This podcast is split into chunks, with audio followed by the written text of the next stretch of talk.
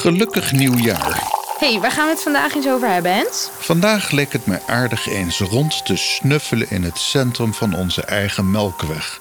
Dit naar aanleiding van een vraag van een luisteraar. Even kijken. Velen van u weten waarschijnlijk wel dat we in het centrum van onze Melkweg een groot zwart gat vinden. Er is zelfs onlangs een foto van gepubliceerd. Maar wat kunnen we nog meer vertellen over deze locatie? Eh, Ik denk dat je er een hele podcast aan kan wijden. Of anders gezegd, hoe zou het zijn om op een planeet als de aarde te wonen, maar dan daar in het centrum van de Melkweg? En er is nog een mooi mysterieus verschijnsel wat het vermelden zeker waard is. Laten we beginnen met onze huidige locatie in de Melkweg. We zien op een mooie avond soms de Melkweg, maar we maken daar ook zelf onderdeel van uit. Als we de Melkweg aan de sterrenhemel zien, kijken we zijdelings naar het grootste gedeelte van die Melkweg en staan we soms ook oog in oog met het centrum daarvan. Praktisch alle heldere sterren aan onze sterrenhemel, die wij separaat waarnemen, zijn ook sterren van onze eigen Melkweg, maar dan relatief dichtbij. De ster het dichtst bij onze zon, Proxima Centauri, staat nog steeds 4,3 lichtjaar van ons verwijderd. Tussen de zon en Proxima Centauri vinden we van alles: interstellair gas, los rondzwevende stenen en gruis.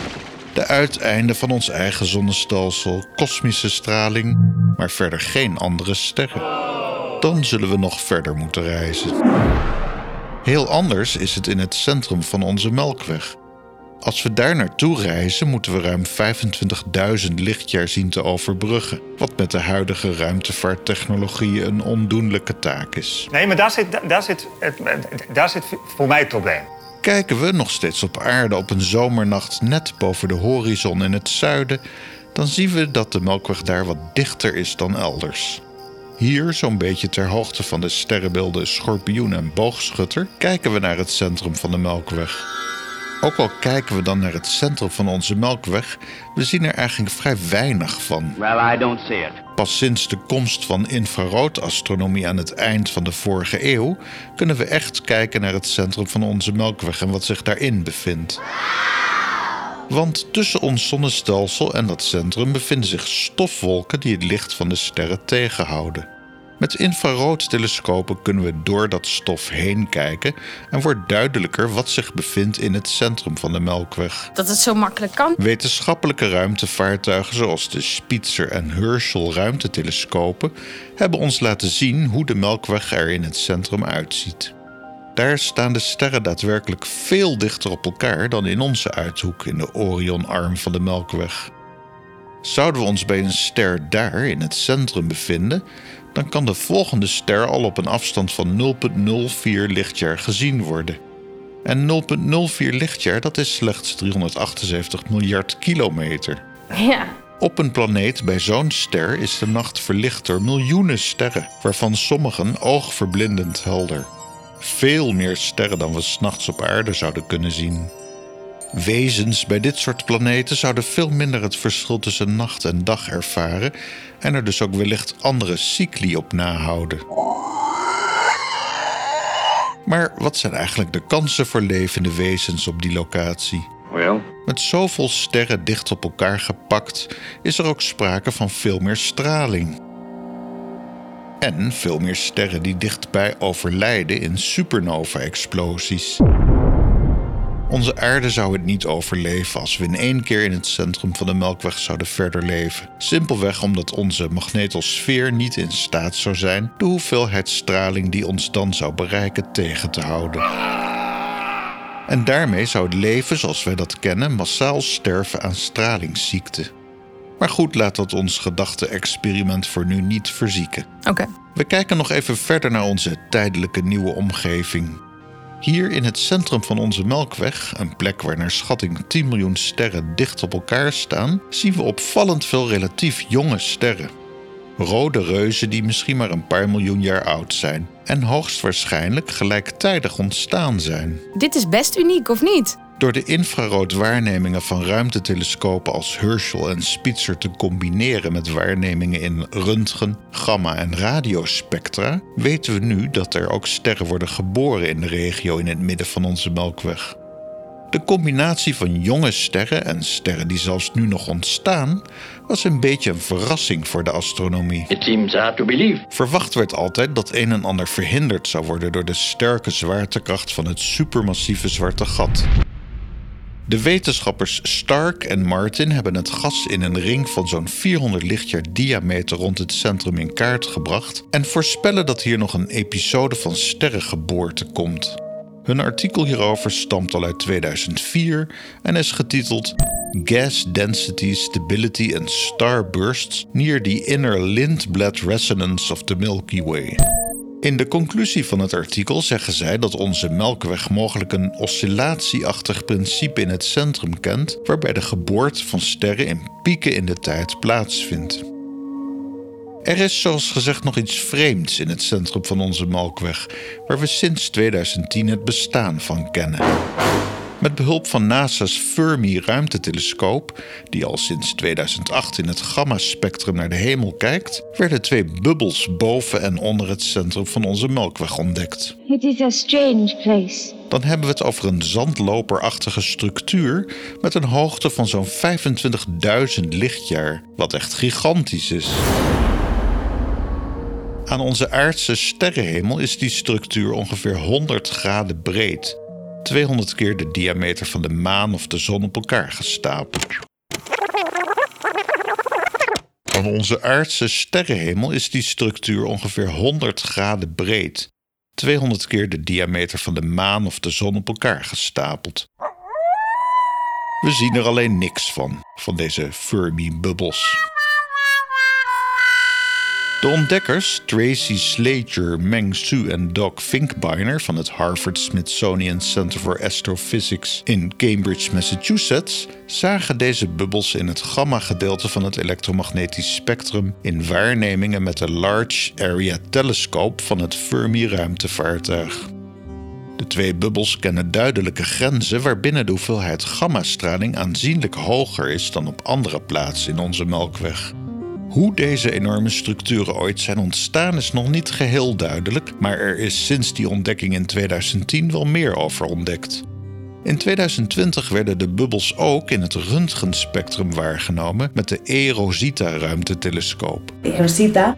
De E-Rosita-telescoop is een Russisch-Europees samenwerkingsproject, maar deze telescoop is op 26 februari vorig jaar in de slaapstand gezet als gevolg van de Russische inval in de Oekraïne. Aldus professor Kirpal Nandra van het Max Planck Instituut. Dat is toch niet te geloven? De bubbels die met E-Rosita werden gezien zijn nog groter dan de Fermi-bubbels. En zo onderscheiden we nu de E-Rosita-bubbels, waarbinnen de Fermi-bubbels in een geheel besloten liggen. Astronoom Karen Young publiceerde er vorig jaar over in een artikel met de titel Fermi and E-Rosita bubbles as relics of the past activity of the galactic black hole. In dit artikel lezen we dat de E-Rosita-bubbels aan onze sterrenhemel in totaal zo'n 160 graden omvatten. Dat is bijna de breedte van de gehele hemelkoepel, want die is 180 graden bij een vlakke horizon. De vraag is dan, ja, hoe dan? Young en collega's beschrijven een computersimulatie waarbij de Fermi-bubbels, de E-Rosita-bubbels en ook een soort mist op die hoogte in het microgolvenspectrum verklaard kunnen worden door een uitbarsting in het superzware zwarte gat Sagittarius A star. Een paar miljoen jaar geleden.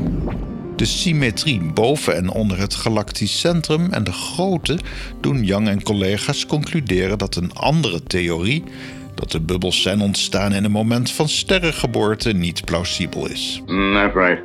Interessant vond ik wel te lezen dat de auteurs nog een hoop onzekerheden kennen door recentere waarnemingen aan het galactisch centrum. Zo kennen we ook X-ray chimneys, schoorstenen in het röntgengebied die onder en boven met elkaar verbinden.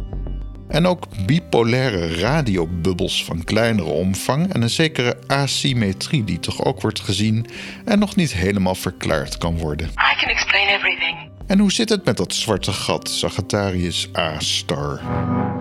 We weten nu, dankzij de waarnemingen met de Event Horizon telescoop, hoe het er ongeveer uitziet. Maar daarmee is nog lang niet alles gezegd. Will you say that again? Vergeleken met andere superzware zwarte gaten in het centrum van andere bekende melkwegstelsels is ons zwarte gat redelijk passief. Ook dat wordt in 2023 nog niet goed begrepen. You don't understand. We gaan ervan uit dat de massa van dat zwarte gat 4 miljoen keer de massa van onze zon is. En daarmee is het zwarte gat aan de lichte kant voor een melkweg als de onze. Met behulp van de James Webb Ruimtetelescoop hopen astronomen een beter zicht te krijgen op de verdeling van massa in het centrum van onze melkweg. En daarmee kan misschien ook meer gezegd worden over de oorsprong van die superzware zwarte gaten.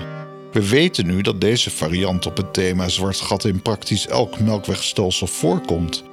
Maar vormen sterrenstelsels zich rond zwarte gaten of ontstaan zwarte gaten automatisch in het centrum van melkwegstelsels? Ja, dat, is wel een hele interessante vraag. Niemand weet dit zeker.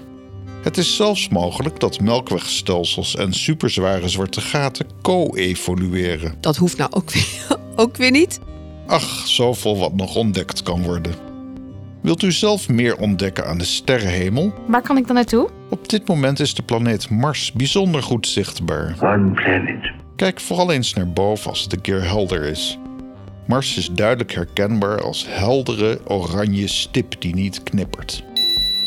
Voor hulp aan de sterrenhemel is er het gratis open source programma Stellarium.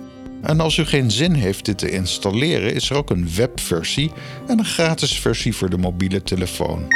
Er valt met een eenmalige betaling van 23 euro nog wel wat bij te kopen in de app, maar ook zonder die uitgave is het een prettig hulpmiddel voor navigatie aan de sterrenhemel. De Stellarium-app heeft een rode nachtmodus, laat ook zien welke satelliet er langs beweegt en trekt alleen lijntjes tussen de sterren van sterrenbeelden als u de mobiele telefoon die kant op richt, wat ik wel een mooie feature vind. Alle muziek in deze aflevering werd gemaakt en als Podsafe Music beschikbaar gesteld door luisteraar Moos en past wonderbaarlijk goed bij het onderwerp mijns inziens. Heel veel dank daarvoor. Een link naar de muzikale activiteiten van Moos vindt u in de show notes van deze podcast. Tot de volgende keer. Heb je ook nog vragen over de sterren? Mail dan naar hensimmerman.gmail.com